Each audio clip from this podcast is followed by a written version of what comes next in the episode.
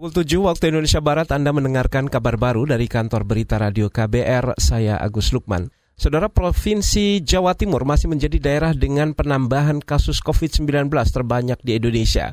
Juru bicara pemerintah untuk penanganan COVID-19 Ahmad Yuryanto mengatakan, di Jawa Timur terdapat tambahan lebih dari 500 kasus baru positif virus corona dalam 24 jam terakhir hingga kemarin. Disusul DKI Jakarta dengan tambahan 400 kasus dan Sulawesi Selatan sebanyak 170 kasus. Hari ini kita melakukan pemeriksaan spesimen sebanyak 22.379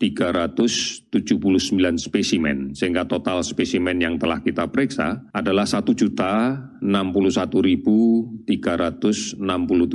spesimen. Dari jumlah ini kita mendapatkan penambahan kasus konfirmasi positif sebanyak 1.000 681 orang, sehingga saat ini totalnya adalah menjadi 75.699 orang. Juru bicara pemerintah untuk COVID penanganan COVID-19 Ahmad Yuryanto menambahkan jumlah pasien sembuh bertambah menjadi 900 maksudnya bertambah 900 orang menjadi total 35.600 orang sedangkan pasien meninggal sebanyak 3.600 orang. Pemerintah saat ini memantau lebih dari 48.000 orang yang masuk kategori dalam pemantauan dan dalam pengawasan.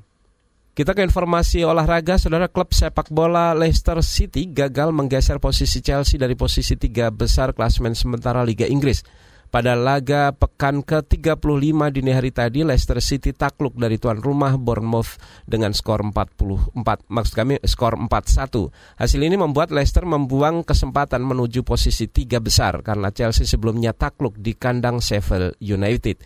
Leicester kini berada di posisi 4 klasmen sementara Liga Inggris. Namun posisi Chelsea dan Leicester di zona Liga Champion ini juga rawan digusur Manchester United yang baru akan menjalani laga ke-35 pada Selasa besok. Demikian saudara kabar baru dari KBR, saya Agus Lukman.